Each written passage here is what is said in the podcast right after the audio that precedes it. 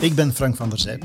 En ik ben Leslie Arends en samen overvliegen we deze maand de arbeidsmarkt en de HR-actualiteit. Onze blik op de wereld van HR en people management. Zo ben jij als HR-professional op 30 minuten helemaal mee.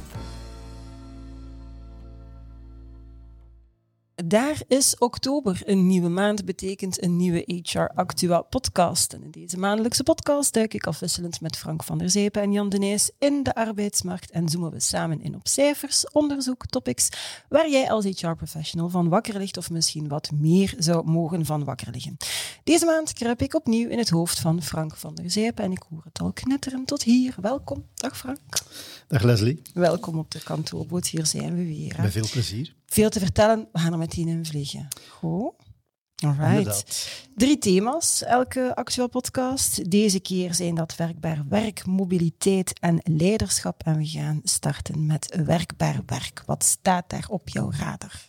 Ja, ik heb het thema gekozen. Eén, het is een, een thema dat altijd actueel blijft natuurlijk. Ik heb het thema gekozen om het eh, te linken deze keer aan iets wat eh, toch wel de voorbije maanden heeft eh, ja, in de media heel actueel geweest, namelijk quiet quitting. En dus, voilà. Dus, ik zie ze al met de ogen rollen. Ja, Eh, dat werkbaar werk, ja, dat blijft ergens eh, in het eh, hart van onze bezorgdheden. hè. Dus we weten dat we naar die 80% eh, werkzaamheidsgraad willen, moeten. We weten ook dat we daar niet in slagen in, in België. 22% van de mensen is in feite professioneel niet actief. hè. En ehm, ja, dat met meer langer werken is echt iets wat we willen bereiken. En dan komt dan zoiets binnenwaaien als quiet quitting. Een quiet quitting, wat is dat eigenlijk? Ehm, ja, dat is eh, een of andere Amerikaan die op een blauwe maandag een TikTok-filmpje gemaakt heeft van 17 seconden, dat viraal verspreid Ja. heeft. En dat heeft zo een impact gehad dat dat fenomeen aan alle kanten geboost is. Quiet quitting, overal. Ik zal een aantal linken meegeven in, de- Ja, in- met graag. de podcast waarin Ja. je dat kunt vinden.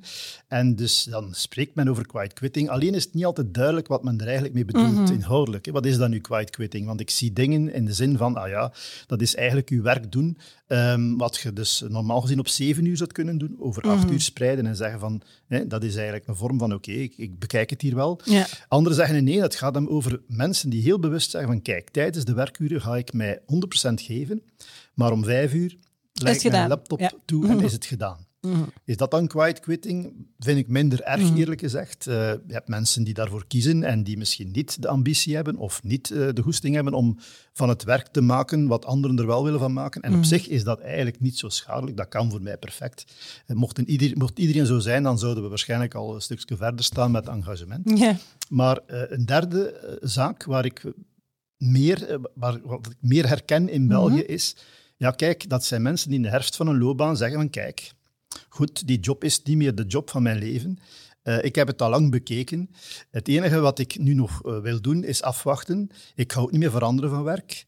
Het, eh, ik moet langer werken. Hè. Wel, ik ga het uitzien tot aan mijn pensioen. En Goh. dus eigenlijk doen wat ik moet doen, Ja. zodat ik niet kan ontslagen worden. Maar voor de rest moet men mij niet veel meer vragen. Ja. Als dat de vorm van quiet quitting is, dan hou ik mijn hart toch wel vast. Ja. Nu, is dat nieuw? Nee. Mm.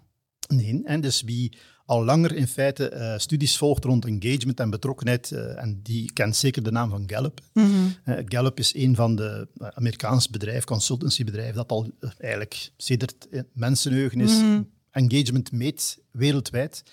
En Gallup heeft altijd gezegd, er is maar een kleine groep van uw mensen werkelijk geëngageerd. Ja. Als je naar de resultaten kijkt voor 2022, in België bijvoorbeeld, dan spreken zij over amper 11 procent. Dus dat klinkt zeer weinig. Ja. Dus eh, quiet quitting is dan in feite iets... En je zegt, ja, eigenlijk heeft dat altijd bestaan. Zij, zij onderscheiden drie groepen. Mensen die actief geëngageerd zijn, mensen die niet geëngageerd zijn. En de derde groep, actively disengaged. Dat Ja. zijn degenen die zelfs zeggen, als ik mijn bedrijf of mijn, eh, ja, mijn werkgever er kan opleggen, Dat ga ik dat eh, zeker gaan doen. we doen. Ja. Dus ook dat bestaat. Dus quiet quitting, is dat nieuw? Nee, het is eigenlijk een soort van hype die ja, ontstaan is eh, in Amerika en die dus nu in de actualiteit komt. Maar wat wel interessant is in, de, in de, het verband daarmee met die quiet quitting is Als we kijken in de literatuur, en ik moet trouwens uh, iemand bedanken, dat is uh, Bart Moens. Bart Moens is mm -hmm. onderzoeker en docent aan uh, een Odyssee. Ja. En ook verbonden met het Universitair Centrum Limburg. Die heeft mij gezegd van Frank, weet je, als je kijkt naar jobcrafting, want hij weet dat ik daar ook mee bezig geweest ben enzovoort, zegt hij, in de literatuur onderscheidt men vandaag twee vormen van jobcrafting. Dat is de klassieke vorm van jobcrafting, approach crafting. Dat wil zeggen dat je je job probeert te sculpteren in de richting van wat je ook graag zelf Ja. doet en kunt. En dat is een positieve vorm van jobcrafting. Maar er is een tweede vorm van jobcrafting en die noemt men avoidance jobcrafting. En wat gaat men daar proberen doen? Dat is in feite de job, eh, de negatieve aspecten van de job wegsnijden, Ja. zodanig dat die job eh, werkbaar blijft en haalbaar blijft in de toekomst. En dat is een vorm van jobcrafting eigenlijk die maakt dat men zegt, voor de persoon die dat doet is dat oké, maar interessant is dat het voor de collega's van die persoon tot burn-out risico Ja, leidt. ja, dat zal. Die moeten dat wel Voilà. overnemen. Dus dat is ja. eigenlijk, eh, quiet quitting is voor mij dan een vorm ook van ja, avoidance crafting. Ja. En we staan straks, en daar wil ik ook de link mee maken, dat is actueel, voor de vier dagen week, Ja. vier dagen werkweek, arbeidsdeal, en dat gaat er waarschijnlijk doorkomen. Eh, dat gaat er doorkomen. Dat betekent dat een fulltime kan vragen aan zijn werkgever om vier dagen te Mhm. werken in plaats van vijf. En de werkgever moet dan maar motiveren waarom dat, dat niet Mhm. zou kunnen.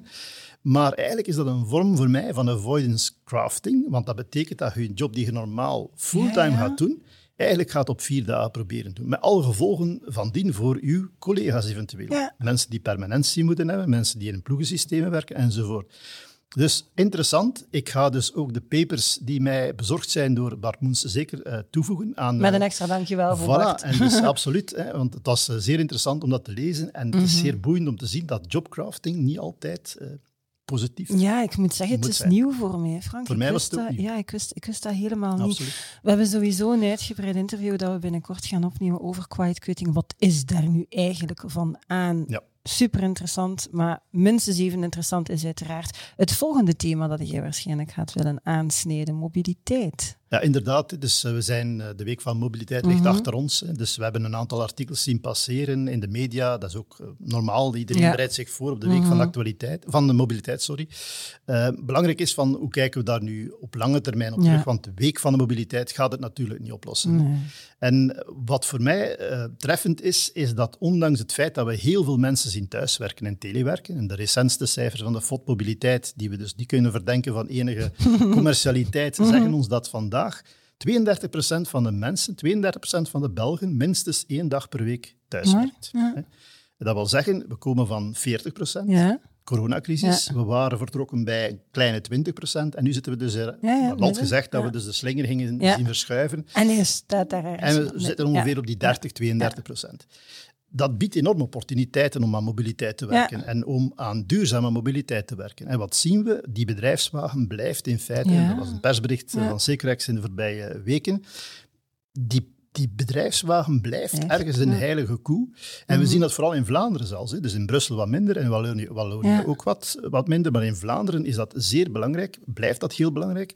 Jonge mensen worden dus in feite onmiddellijk beloond wanneer ze een contract tekenen, bij wijze van spreken. Zeker wanneer het gaat over bedienden Ja, met een bedrijfswagen. Mhm. Eén op vier werknemers heeft een bedrijfswagen. ja.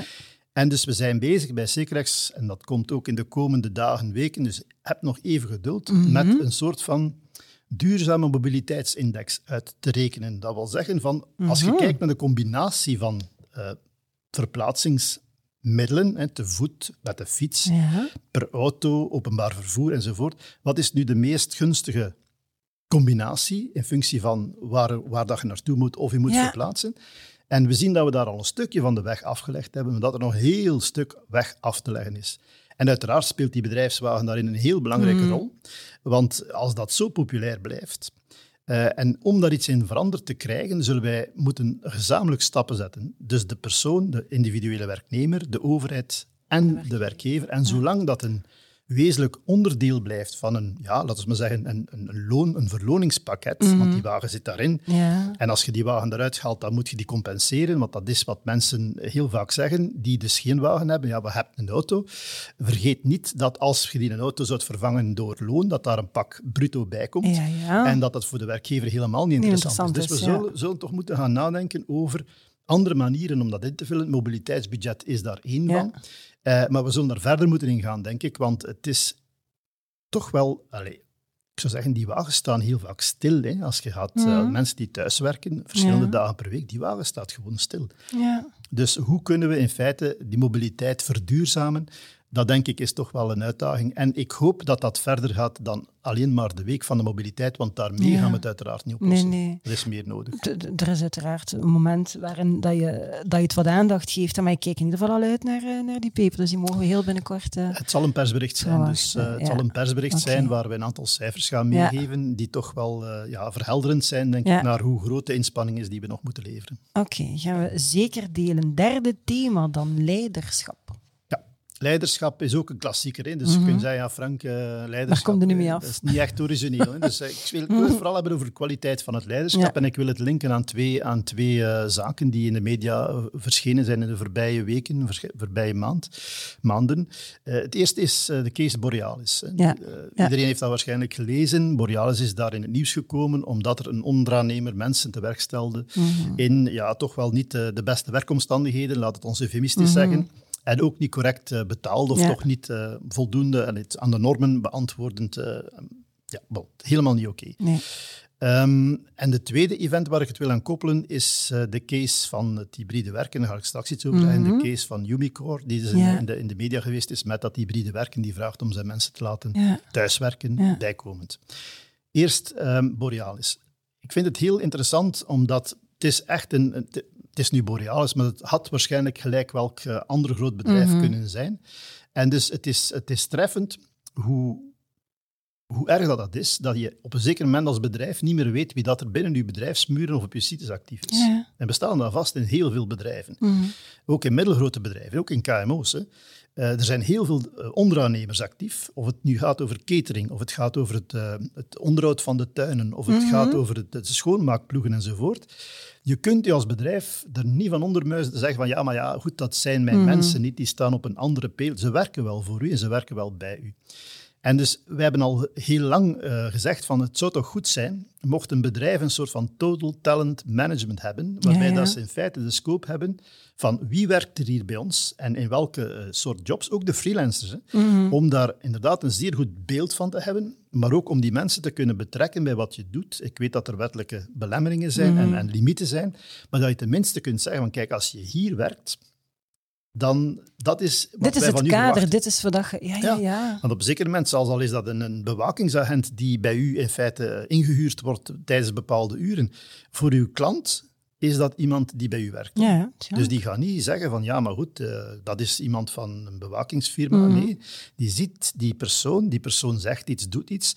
Dat is iemand die voor u werkt. En we denken dat, je daar veel, dat we daar veel verder moeten ingaan. En als we aan bedrijven de vraag stellen, weet jij wie dat er hier allemaal eh, vandaag binnen is en wat die aan het doen zijn, weet dan weten zij het beste geval wie dat er op de payroll staat. Ja. En dat total talent management, zeker ook in tijden van krapte, is het interessant om te zien van bijvoorbeeld, ja, er werkt er iemand in mijn eh, schoonmaakploeg, Ja. dat is precies iemand waar dat ik ook wel iets meer zou kunnen mee doen. Ja, ja. Dus ook vanuit, vanuit de talentscope hè, zijn er een aantal voordelen verbonden aan dat total talent management. En nogmaals, uw reputatie als bedrijf hè, kan eh, naar de haaien gaan wanneer dat je in de, in de pers komt, zoals Borealis, met eh, inderdaad eh, ja, toch al schrijnende toestanden. En dat Mhm. wordt onmiddellijk gekoppeld aan uw bedrijf. Men spreekt niet over die onderaannemer, men spreekt over Borealis. Ja. Dus ik zou zeggen, belangrijk in leiderschap, dat je ook leiderschap toont door in feite dat in handen te pakken en dus dat niet eh, Ja. over te laten aan wie dan ook en dat van uw nek te schudden als zijnde van dat is niet mijn probleem, dat is een onderaannemer. Dat is wel degelijk uw probleem. Zeer ja. interessant. Ehm, ik eh, zal daar ook een, eh, een link toevoegen van Next Economy, die dus Mhm. een aantal voordelen opsomt van het doen van total, Total talent talent En die gaan in heel verschillende richtingen. Ja, ja, dus dat kan hier niet, Ja, je hebt inderdaad een stukje, je hebt, je hebt, je hebt die scope wel wat opengetrokken. Ik vind het super interessant. Ja. Dus het tweede element eh, is dan inderdaad eh, zeer interessant ook, is, Ja, is Umicore. dan, Ja. Hè. Ik, ik vind het eigenlijk een beetje hilarisch, hè, want een paar maanden geleden waren dus bedrijfsleiders nog bezig. Iedereen moet Terugkomen. Ja. iedereen moet terug naar de werkvloer, want we zijn aan het vervreemden van elkaar en de verbinding is, is weg, enzovoort, enzovoort. En dus een paar maanden later zitten we dan met de energiefacturen die oplopen en wat zeggen bedrijven? Of een aantal liefst thuis blijven, jongens. Ehm, Ja. Zelfs als het kan de vrijdag, dan kunnen we de chauffage drie dagen afleggen. En Umicore was daar. En het is, het is eigenlijk een beetje raar dat wij dan zien en de mensen die van, bij, van meet af aan rond hybride werken en afstandswerken uh, werkten, hebben altijd gezegd van kostenbesparing is waarschijnlijk de slechtste uh, reden, om, reden om dat te doen. Uh, Integendeel zou ik zeggen, mensen die, of bedrijven die echt wel geloven in de voordelen van die productiviteit, die gelinkt is in een aantal gevallen aan dat afstandswerken, zijn gaan bijkomende investeringen doen, investeringen doen in hun buildings en in mhm. gebouwen en in bedrijfslokalen om die aan te passen aan het soort activiteit dat daar moet gebeuren. En die berichten zie je ook wel, hè? er zijn er best veel. Uh, dus ja. hier terug kwaliteit van het leiderschap. Ja. Wat, wat, moet je doen? Hè? Dus er is een heel interessant artikel verschenen van Kathleen van Gronsveld van de AMS, mm -hmm. en Management School, rond sterke HR-praktijken en zwakke HR-praktijken. Ah, ja. En sterke HR-praktijken zijn juist helderheid en duidelijkheid bieden in wat je verwacht van je werknemers en ook inzicht geven in het waarom. En als daar nu een, een meeting is die de vrijdag best gebeurt, dan zou ik mijn lokaal niet sluiten. Ik hoop dat Core die oefening gedaan heeft om te kijken van al die meetings die dan, of die contacten die de vrijdag voorzien zijn, zijn die allemaal overbodig. Hè? Ik kan mijn, ik ga een raar voorbeeld geven, dat is natuurlijk niet Umicore, maar ik kan mijn brandweerkazerne niet sluiten de vrijdag. Hè. Dus ik wil dat die mensen samen zitten en als er een oproep komt, dat die heel snel in actie schieten. Dus dat soort uh, ja, beslissingen moet je toch wel zeer goed afwegen. Ik hoop dat Umicore zijn huiswerk goed gedaan heeft en dat daar een goede reden voor is en dat ze dat ook helder en duidelijk hebben overgebracht waarom ze dit doen en dat het verder gaat mhm. dan alleen maar de kosten besparen. Ja. Ehm, maar nogmaals, en ik kom dan terug bij, bij wat is kwaliteit van, van dat leiderschap. Hè? En dus ik kom dan terug bij wat we dan noemen die uh, eh, LMX-theorie, Leader Membership Exchange Theory. Ik denk dat ik dat al een keer gezegd heb hier. Heb dat al een keer aan bod Met die drie cruciale vragen die je moet stellen. Hè? Kan ik u vertrouwen als leidinggevende? Mhm. Weet je waarover dat je spreekt? Ja, en heb je het beste met mij voor? Dus dat blijft hier de rode draad. Uh, ook hier. Hè. En dus ik denk dat we daar uh, met z'n allen nog weg af te leggen hebben. weg af te leggen hebben. En dat als je afspraken maakt rond dat hybride werken, dat het gebeurt inderdaad met toch wel enige zin voor wat is hier het beste voor, hè, voor de twee werelden. Mhm. en, en dat je niet, ehm, ja, ik zou zeggen, um, one-fits-all maatregelen oplegt die mhm. heel kort door de bocht gaan. Hè. Want, dat, dat, want aan de ene kant zegt men dan, en dat is wat uh, Kathleen van Gronsveld ook zegt, aan de ene kant zegt wij, zijn, wij staan voor autonomie en je moet hier kiezen wanneer dat je wilt, uh, wilt uh, wanneer dat je werkt, sorry. En aan de andere kant zegt men dan plots, maar de vrijdag moet er niet meer komen. Hè. Voor iedereen. Ja. Dus dat is contradictorisch. En daar moeten we dus uit, denk ik, op vlak van leiderschap. We moeten helder zijn, we moeten duidelijk zijn, we moeten uitleggen waarom we dit doen. En we moeten ook zorgen dat mensen, in feite, dat dat een win-win is. En dat er niet uh, iets is wat we als bedrijf alleen beslissen en zeggen, ja, trek uw plan de vrijdag, ik weet niet waar je gaat werken. Dus, uh, maar liefst Voor ons komt het goed uit en geen mocht. Ja. Puur wettelijk ben je, mag het, mag het eigenlijk niet. niet Dus de werkgever mag, het moet normaal in een werkplek, werkplek dat klopt. voorzien. Dus uh, ja. heb je een probleem. Dus het kan alleen maar, in mijn ogen, op basis van vrijwilligheid. Ja. Boeiend. Verdorie. Onderzoek van de maand gaan we dan uh, naar overschakelen. Daar wil je het hebben over open hiring. Hè? Een recente studie van UGent die aantoont dat aanwerven zonder motivatiebrief of cv het personeelstekort snel kan oplossen. Ja. Het is een eerste kleinschalige studie, dus zeker verder onderzoek nodig. Hè? Maar wat, wat, wat moeten we hierover weten? Wat, is dit nu de oplossing voor sommigen? Wel, ik eh, moet zeggen, ik was heel kritisch toen ik dat uh, de mhm. eerste keer hoorde, open hiring. Het is eigenlijk uh, tegen de winkel van HR. Hè? Dus wij zeggen, nee, nee, je moet dus... Uh, nee, niet nodig, kom maar binnen. testen en recruiter is allemaal meer nodig. De eerste die dus solliciteert, die mag beginnen. Dus ik was daar heel, heel sceptisch tegenover. Ja. Kan dat nu werken? Um, testing is toch een minimum dat je moet doen. maar als je dan kijkt naar waarover het gaat in feite, dus het is mhm. natuurlijk een niche-markt. Het is dus niet voor iedereen. Dus ik denk mhm. niet dat je gaat een dokter aanwerven eh, in open hiring. Dat denk ik niet dat je dat gaat doen. Hè. Dus je moet opletten met die zaken. En dus inderdaad, ehm, als je dan de studie bekijkt, de studie is dus uitgevoerd door um, UGent, mhm. professor Eva de Roos, samenwerking met Divergent. Ja. En onder, uh, ik zou zeggen, financiering van het Europees Sociaal Fonds. Het is een pilootstudie. Ja. ja. Dus het is alleen maar de Gentse arbeidsmarkt, is beperkt. En dus um, waar, gaat het hier over? Het gaat over het feit dat we in de krapte zitten en dat bepaalde bedrijven, die ook heel veel jobs hebben waarvoor geen enkele voorkennis nodig is, mhm. geen enkel diploma, geen enkele ervaring, ook zoeken naar mensen die in feite uh, beschikbaar zijn, maar die in het klassieke recruteringsverhaal heel vaak niet naar boven komen. Omdat ze inderdaad geen diploma hebben, geen ervaring mhm. hebben, de testen niet goed doorstaan enzovoort.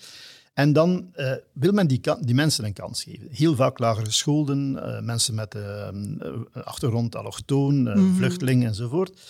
Dit is een kans puur op attitude.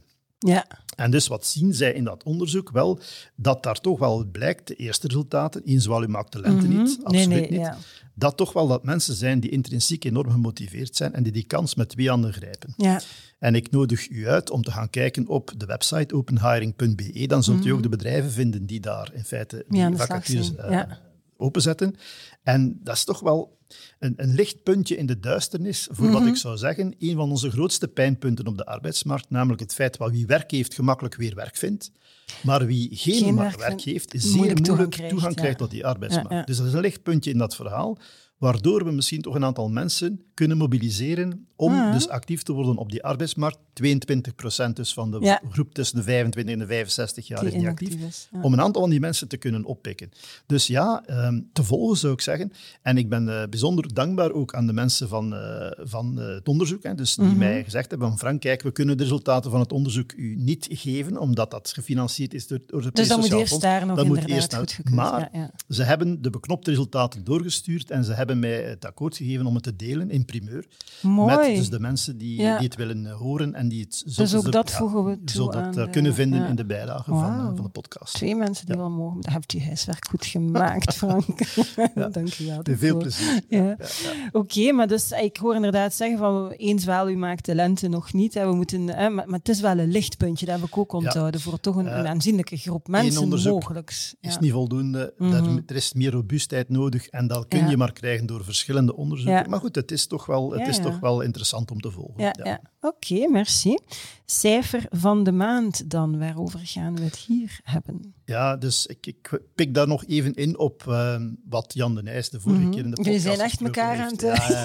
Dus hij zei van, ja, Frank eh, komt met cijfers rond eh, verloop en ik vind dat toch heel, heel vinden dat allemaal raar. Maar jullie Ehm, komen overeen, hè? Ja, absoluut. absoluut hè. Eh, we houden ook contact met elkaar en we leggen ook elkaar uit, uit wat we aan het doen zijn Ja, en hoe ja. dat we tot die cijfers gekomen Ja. zijn, dat de contact is er geweest. Uh-huh. Maar voor alle duidelijkheid, het eerste half jaar van 2022 zien we dat dat personeelsverloop totaal eigenlijk helemaal niet stijgt. Hè. Dus de, de Great Resignation en wat men ook allemaal Mhm. Ja, het is er niet. Het is er niet in België. Mhm. Ja, heel, heel duidelijk in België. In Amerika is het er wel. In Frankrijk komt het er ook. Men ziet daar ook het aantal vrijwillig eh, ontslagen eh, enorm stijgen. En dus wat wij zien is dat we het verwacht hadden. Hè. Dus na de crisisjaren 2021 gaan we nu de, de big boom hebben van verloop. Eh, maar het is er niet. Dus het is er niet. Globaal is het er niet. Uiteraard, uiteraard bij, bij jongeren zie je dus dat verloop. Maar ook daar is het dus niet spectaculair gestegen. We zitten tussen de 12 en de 14 procent in de groep met 25-jarigen die vrijwillig om, op eh, ons, allee, ontslag geven. Ehm, we zien wel in 2022, in de eerste zes maanden, dat ook jongeren die nog een tijdelijk contract gekregen hebben, waar dat nog gegeven werd, want veel bedrijven geven onmiddellijk een vast contract, Ja, ja. dat die wel eh, massaal dat eh, tijdelijk contract, en veel meer dan vroeger, hebben opgezegd vooraleer dat de datum afliep. Ja. Voor een vast contract natuurlijk. Hè. Dus dat zien we wel. Maar globaal zien we eigenlijk weinig verschuiving in die cijfers. Mhm. Het, zowel het vrijwillig verloop, ontslagwerknemer, als het onvrijwillig verloop, ontslagwerkgever, Ja. Is eigenlijk historisch laag op dit moment. En Mhm. we gaan dus de eindcijfers afwachten, 2022. En dus never say never. Hè. Eh, we hebben al genoeg zwarte zwanen zien passeren, hè. dus eh, plotse omwentelingen. Ja. Maar ehm, Mhm. we gaan er toch vanuit dat het niet zo snel zal, zal keren. En inderdaad, Jan heeft toen gezegd van vorige keer, ja, voor mij Heeft daar een linkje gelegd, heeft hè? het te Ja. maken met een stuk onzekerheid over Ja. de toekomst. Eh, ja, we zitten met een, met een, eh, met een onzekere toekomst. hè. Kijk naar de energieprijzen, de grondstoffenprijzen, de, de stijgende inflatie, het conflict in Oekraïne. Ja. Maar dat mensen die dus een financieel engagement lopen hebben, en zo zijn er niet, niet weinig, hè, Mm. een huis verbouwd, een huis gekocht, toch wel twee keer gaan nadenken alvorens zij gaan zeggen, en nu ben ik weg. Die Ja. jongeren natuurlijk, hele jongeren, min 25 jaar, Minder zijn minder gebonden, hebben dat ja. nog niet en kunnen die keuze nog maken. Maar ook dat is eigenlijk weinig. Hè. 12, 14 procent, dat is Mhm. 1 op 10. Hè. Eh, uiteraard weet ik, gevoelsmatig zal dat anders eh, overkomen, omdat jij in je omgeving mensen hebt die in knelpuntsectoren zitten of Ja. in, in, in eh, jobs waar dat er heel veel vraag is, ingenieurs, technici, Mhm. ICT-mensen. Daar is het verloop natuurlijk waarschijnlijk een pak hoger. Hè. Ja, Maar globaal gezien, nee, eh, blijft dat eigenlijk eh, bijzonder, bijzonder laag. Hè. ja. Hebben wij een plafond bereikt op de arbeidsmarkt? Dat, lijkt- dat lijkt mij wel interessant. Daarom ik zeg, voorspellingen doen over 2022 is heel gevaarlijk, omdat we ook uh, zien dat er toch wel signalen zijn die er toch wel kunnen op wijzen. Het is nog pril, moet Mhm. nog verder bekeken worden, dat het wel een keer zou kunnen zijn dat die arbeidsmarkt over zijn hoogtepunt Heen is. We zien Ja. dat in het aantal vacatures bij de VDAB, de laatste twee maanden gezakt ten Mhm. opzichte van de maanden vorig jaar. We zien dat ook in de transities van werkloos naar werk, in de cijfers aan Stadbel, Ja, ja. dat er dus minder werklozen zijn die aan het werk, aan het werk gaan. En we zien het ook heel eh, pril in de technische werkloosheid die aan het stijgen is. We zien dat in ons sociaal secretariaat, dat we daar toch wel signalen zien Ah, dat ja. eh, iets meer mensen, ja goed, bedrijven leggen productielijnen stil, eh, kunnen niet meer voort omdat ze geen grondstoffen hebben. Eh, dus het zou wel een keer kunnen, het zou wel een keer kunnen dat we dat hoogtepunt bereikt hebben, maar nogmaals, het moet bevestigd worden Ja. in de komende maanden of dat er inderdaad een, een, eh, een hoogtepunt bereikt is of dat we een tijdelijke knik hebben door de, door de zomermaanden. Maar Mhm. het ziet er toch naar uit dat die problemen van die grondstoffen, stijgende energieprijzen Een enzovoort, enorme impact eh, hebben. een enorme impact Ja. hebben. En voor de fun, ik was in Frankrijk in de voorbije Aha. maand. Hè. En dus ik kon geen, hei- geen het was gloeiend, e- gloeiend eet in Frankrijk. En we, we raakten nergens aan ijsblokjes in de winkels. En, ja. eh, dat, is niet te vinden. En ik heb de vraag gesteld, uiteraard, van komt hoe komt dat nu? Ik ben hier al meer dan een week en dus je krijgt toch wel eh, aanlevering van geen ijsblokjes. Men zei mij dat de, de CO2 om die ijsblokjes te maken duurder was dan de verkoopprijs van die ijsblokjes. En dat de productie volledig stilgelegd was. Ja. Dus als je ijs wilt, zei men, dan moet je het zelf maken. Dus dit wijst toch wel op het feit dat bepaalde productielijnen eh, ook in de toekomst eh, ja, op halve kracht zullen draaien of helemaal niet meer zullen Of draaien. niet meer gaan draaien, omdat het niet meer rendabel is, punt. Omdat het Ja. niet meer rendabel is. Eh, ja, we gaan het zien. Hè. Dus eh, toch wel eh, in de gaten houden. Ja, en ik moet zeggen, ik, ik kreeg ook wel ik- een aantal signalen, niet op basis van onderzoeken, maar het type mailtjes, de aantal mailtjes, het aantal vacatures dat ik krijg, zie ik ook in een eh, andere richting uitgaan. Dus dat zijn allemaal Het signalen zijn signalen. dat je denkt van, hmm, het toch wel in de gaten houden. Oké, kennis en inspiratie halen we ook uit boeken. En er is ook deze maand een boek dat jij vindt dat Ja. we zeker moeten lezen. Ik heb het bewust niet meegebracht, omdat Mhm. het nog niet uitgebracht is. het is eigenlijk, je zet het is snel eigenlijk, bij. een, het Ja. is eigenlijk een, eh, Mhm. een, een commercial, zou ik zeggen, van een boek dat gaat verschijnen. Eh, in het voorjaar van 2023. Eh, even wachten. Het is het, eh, een boek dat gaat over loontransparantie. Hè. Dus, eh, het is een boek van een, eh, van een prof, Peter Bamberger, Mhm. die eh, professor of management is, eh, onder andere in Tel Aviv. Hè. Dus die Mhm. hier op bezoek is geweest in België, Ja. op uitnodiging van de KU Leuven. Oké. Heeft hier een week eh, of zo verbleven, heeft ook de doctoraatstudenten van Leuven eh, aangesproken. En we hebben het eh, geluk gehad om hem ook even aan, aan het woord te horen.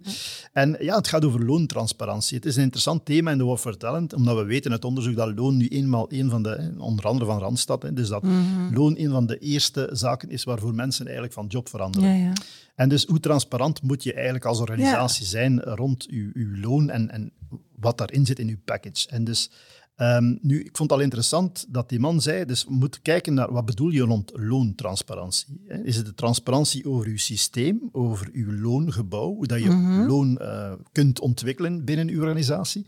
Gaat het over het communiceren over loon onderling? Ik was heel verrast, want blijkbaar in Amerika, in een aantal staten, staat er in, in het contract, en dat is rechtsgeldig, dat mensen niet over hun loon openlijk mogen spreken met hun collega's en met derden. Zo. Ongelooflijk dat dat nog Ja. bestaat. Hè. Dus dat is bij ons ondenkbaar, denk ik. hè, Maar dat bestaat dan ook.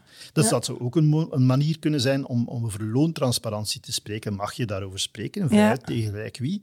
En de derde was in feite eh, absolute openheid over de lonen. Dat wil zeggen, we gaan afficheren wie hoeveel verdient binnen onze organisatie. Iedereen mag dat weten. Ja. Dus wat is loontransparantie? Dat is wel interessant om daar een keer over na te denken. In, in mijn ogen heeft men ons altijd geleerd van het, wat je zeker moet zijn, is transparant zijn over uw systeem. Ja. Daar mensen. Dat ze Mhm. inderdaad ergens het gevoel hebben, er is hier fairness. Ja, ja. Ik denk dat dat heel logisch is. Maar het gaat dus inderdaad een stukje verder, kan dus verder gaan dan dat. En ehm, waarom is dat interessant? Wel, eh, het is interessant omdat ehm, er is een richtlijnopkomst van Europa Ja. in het kader Ja. van de loonkloof, mannen en vrouwen, die zegt van we moeten daar toch wel een keer werk van maken en we gaan eigenlijk bedrijven vragen ehm, of, of verplichten om dat te publiceren. De loonkloof In de van- vacature? Ja, wel, Ja, nee, in, nee. in een sociaal bilan bijna, of Ah ja, op aanvraag van de werknemer. Van hoeveel in die functie is het verschil tussen mannen en vrouwen. Wauw. Ja. Dus voor bepaalde bedrijven zal dat misschien pijnlijk zijn. Het is ook niet morgen, voor alle duidelijkheid. Het is een, een richtlijn die, eh, die binnen de twee jaar normaal gezien moet omgezet worden in nationaal recht. Mhm. Maar dat betekent dat het wel dan een beer wordt met klauwen. Dat wil zeggen, Ja, als je ja. dus in de fout gaat als bedrijf, dat je daarop aangesproken kunt worden. Nu hebben wij in België een probleem. eh, ja en nee, dat is natuurlijk afhankelijk van bedrijf tot bedrijf. Mhm. Elk bedrijf zal zijn huiswerk moeten maken. Maar als je kijkt naar de loonkloof in België, ten opzichte van de rest van landen in Europa, dan valt dat eigenlijk nog, mee. Dat is mee, ongeveer ja, rond de 5%, wat eigenlijk nog te veel is. Maar bon, we zitten bij de goede leerlingen. Alleen, ja, dan, dan wordt die loontransparantie wel, wel zeer actueel. Hè. Dus eh, als dat er doorkomt. En Ja. eh, het is inderdaad zo dat dat eh, toch verwacht wordt binnen de twee jaar. Ja. En dat Ja. dat er komt. En het gevaar is dat je zegt binnen de twee jaar, dan denkt iedereen, we hebben nog tijd. Alleen is dat niet zo als je Ja, moet er ja, ja, het is interessant denk ik, om zich daar toch een keer in te verdiepen wat Ja. daarin staat. Hè. Want eh, ja, de stap verder is natuurlijk effectief dat we bij vacatures ook moeten gaan vermelden hoeveel, wat is het Ja. loon. Hè. Want Die vacatures nog Bij, bij arbeidersprofielen eh, gebeurt dat wel al vaak. Bij bediendenprofielen Nee. is dat nog, nog weinig gangbaar. hè. Maar er zijn echt heel veel boeiende thema's je gekozen hebt voor deze maand. Om af te ronden, is dat dan ook zo'n boeiende uitspraak die je graag naar voren schuift? Ja, het is, eh, het is een uitspraak die mij toch wel getriggerd heeft. Ik was op een event ehm, van een bureau waar, waar iemand sprak over neuroplasticiteit. Het Mhm. gaat over in welke mate is ons eh, brein in feite rekbaar en Ja, elastisch. eh, kneedbaar. Ja, ja. Eh, en de, de uitspraak was, of de vraag die men stelde, ik vond ze zeer intrigerend. Eh, We leven in zeer uitdagende tijden. eh, er zijn heel veel mentale problemen. Eh, er zijn heel veel vragen naar, naar coaches, naar psychologen vandaag eh, bij mensen. Eh, veel meer dan vroeger. hè. Dus ehm, mensen zoeken inderdaad ook ergens uh, houvast. Hè. Eh, het aantal Ja. langdurig zieken is gestegen. Mhm. Is ons brein wel gemaakt om om te gaan met zoveel onzekerheid en verandering? ja. En dus in functie van de bron hoor je zeggen, ja, ja, dat kan perfect. Mhm. Eh, maar er zijn ook mensen die zeggen, nee, dat is niet zo. Wij, wij zijn eigenlijk, eh, wij komen, hè, dus eh, de bron, wij zijn zoogdieren. Hè, dus, en kijk naar die zoogdieren, die hebben zeer duidelijke patronen in hun gedrag. ja. En die veranderen zeer traag of niet. En er is zeer veel nodig om dat te veranderen. En ik verwijs hier naar een column van, van David Duchesne, die zal ook Mhm. in, eh, in de bijlage zitten, de link, die zegt van ja, eigenlijk dat menselijk gedrag zo gemakkelijk verandert dat niet. Hè. Nee. Wij zijn echt gewoontedieren. Hè. En wij moeten, eh, moeten leren om in die gewoontes af te leren soms, om buiten die comfortzone te gaan. Want daar, ligt, eh, daar liggen de leerkansen en daar ligt Ja. de vernieuwing. En wij doen dat heel vaak niet of te weinig. Ehm, nu, op zich, mm, routine heeft ook een functie. Hè. Dus eh, routine, voor alle duidelijkheid, heeft een functie. Het is een manier, eh, mochten wij alles elke dag anders doen, dat zou waarschijnlijk zeer zwaar zijn. Het is Ja. een manier om eigenlijk energie te sparen. Hè. Dus, dus Mhm. je weet ook, als ik naar hier kom of naar mijn werk rijd, dan rijd ik heel vaak op automatische Ja. piloot. Ja. En dan, dan, dan zet ik mijn brein in spaarmodus, want Ja. ik, ik doe dingen zonder dat ik erbij nadenk. Eh, maar aan de andere kant is het heel belangrijk dat we dat niet laten de overhand nemen in mijn ogen en dat we nog altijd keuzes maken. Mhm. En het kan in kleine dingen zitten. Ik heb voor mijn eigen soms beslist, ik ga niet, bewust niet langs dezelfde weg rijden. Ik ga langs een andere weg rijden. Ik ga een keer iets anders proberen. Oké. En dat is eigenlijk wel En zo kun je het leren, Ja. trainen, kun je dat brein dan... Kun je maar- dat brein, want ja. uiteindelijk gaat het over verbindingen maken en over dat brein fit houden. Ja. En dus ik denk dat we veel meer gerechtere keuzes zouden moeten maken in alles wat we doen. En dus die keuzes ook maken. Ik zie heel veel mensen die die keuze niet maken en die zich laten leiden door de keuze van anderen. Nu, Ja. voor mij niet gelaten, maar ik zeg altijd aan mensen, als je niet kiest, dan kiest je ook. Ja. Alleen is het dan zo dat je gaat zeggen van het was mijn keuze niet, het is eh, die of die zijn fout.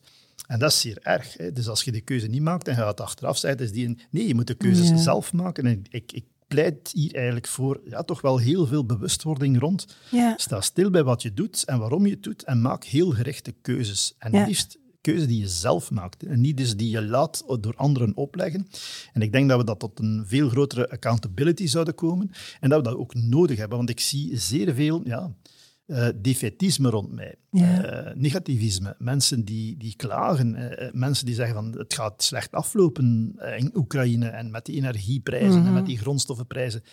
Maar de vraag is, oké, er zijn dingen waar je niets kunt aan doen. Hè. Daar moet je mee leren leven, maar er zijn heel veel dingen die je wel in handen Mhm. Ja. kunt nemen en daar moet je wel iets mee doen. Hè. En dat gaat onder andere ook over het kiezen voor een andere job. Ja. Het kiezen voor een andere, een andere job, bij dezelfde werkgever, bij een andere. Mhm. Maar blijf het kiezen voor een tweede job. Hè. Ja. Dat we in België gelukkig wel zien. Hè. Ja. Dus veel meer dan veranderen van job zie je in België vandaag een beweging op gang komen van mensen die er een tweede job bij nemen. Vanuit financiële Vanuit financiële noodzaak, maar tenminste neem je je lot in handen en zeg je dan niet van ik ga, mij, ik ga, ik ga mijn hoek laten drummen. Mhm. Eh, dus ik, ik denk dat dat heel belangrijk is en dat we daar, eh, dat we daar werk van maken. En coaching kan daar eh, inderdaad een hefboom zijn. Mhm. Ik druk Maar dan moet je wel opletten. Ja, daar moet Ja. je opletten. En dus Mhm. eh, er is een artikel verschenen eh, deze week in de Standaard, of vorige week in de Standaard, was ja. ja. ehm, over life coaching. En dat is heel interessant. ik heb het ook gelezen. Omdat we moeten opletten eh, wat dat eigenlijk dan moet zijn, coaching. En wat we daar mogen van verwachten en niet kunnen verwachten. En er is heel veel pseudowetenschap in die, in die sectoren. En iedereen die, niet iedereen die een burn-out gehad heeft, kan morgen ook iemand coach. coachen. zeg, ja. Dus vandaar dat ik ook met veel plezier de link leg. Naar het event dat er komt. hè. Dus in oktober. Bijna uitverkocht. Voilà, waar we dus eigenlijk eh, dat verhaal een keer onder een soort van wetenschappelijke lens gaan leggen. En wat, eh, gaan we kijken wat is de stand van, van de wetenschappelijke literatuur rond de effecten en determinanten van een coaching. Mhm. En van daaruit, wat zijn dan inderdaad de dingen die je moet meenemen naar de praktijk? Ja, ja, dus neuroplasticiteit van het brein en dan de, de link naar coaching. Voor mij zit daar een stukje in, Frank. Zo, het is zo gelijk van, hebt u aangeboren gedrag en dan het aangeleerd? Is, is dat zo'n stukje van uiteindelijk, je legt daar die link Ja. naar zoogdieren, van er zijn een aantal dingen die we automatisch doen, dat we geprogrammeerd zijn, maar je kunt toch gedrag, ander gedrag aanleren, Wel- alleen gaat dat traag? Of is dat net het punt Ja. dat het niet gaat? Ehm, dat is heel interessant. Hè. Daar zouden we al op zich een podcast Ja. kunnen over doen. Maar ik heb ooit Frederik Ansel horen zeggen, Ja. 70% van ons gedrag eh, wordt bepaald door de context. ja, 30% door, eh, door wat dan eh genen zijn. Hè. Dus dat is toch wel belangrijk om aan de slag mee te gaan. En dat verklaart trouwens ook waarom dat generaties van elkaar verschillen. Ja. Dat is niet omdat ze diep menselijke waarden hebben die anders liggen, maar wel de context die hen uitdaagt ja. en die mogelijkheden biedt, maar ook eh, ja, uitdagingen naar, naar, naar gedrag toe. Oké. Bon, ik volgens mij zitten we aan 35 of 40 minuten. Ik weet het niet, maar ik zou precies nog langer kunnen. Misschien moeten we die actueel podcast gewoon naar een uur trekken. Nee, dat gaan we niet doen. Ik, ehm, ik vond het opnieuw heel, heel, heel interessant. Ik denk dat er heel wat links eh, ook toegevoegd kunnen worden. Met een dikke merci aan de betrokkenen in kwestie. Dus, eh, Ja, het was een eh, lange, hete zomer. We Ja. zijn terug in, eh, in het volle, zoals Jeff vanuit zo En oktober is hè. altijd, voilà. is de, altijd, de wereld herneemt zijn ja, zorgen ja. en we zitten er volop in. voilà. Dikke merci. Ik zie jou terug binnen twee maanden. Zal het Met veel wel zijn. plezier. Merci Frank. Voilà, zo ben jij weer helemaal mee. Volgende maand ben ik er weer zonder Frank, maar dan is het opnieuw met Jan Denees. Allerbelangrijkste weet jullie wel alle. It's a great time to be in HR. Tot de volgende.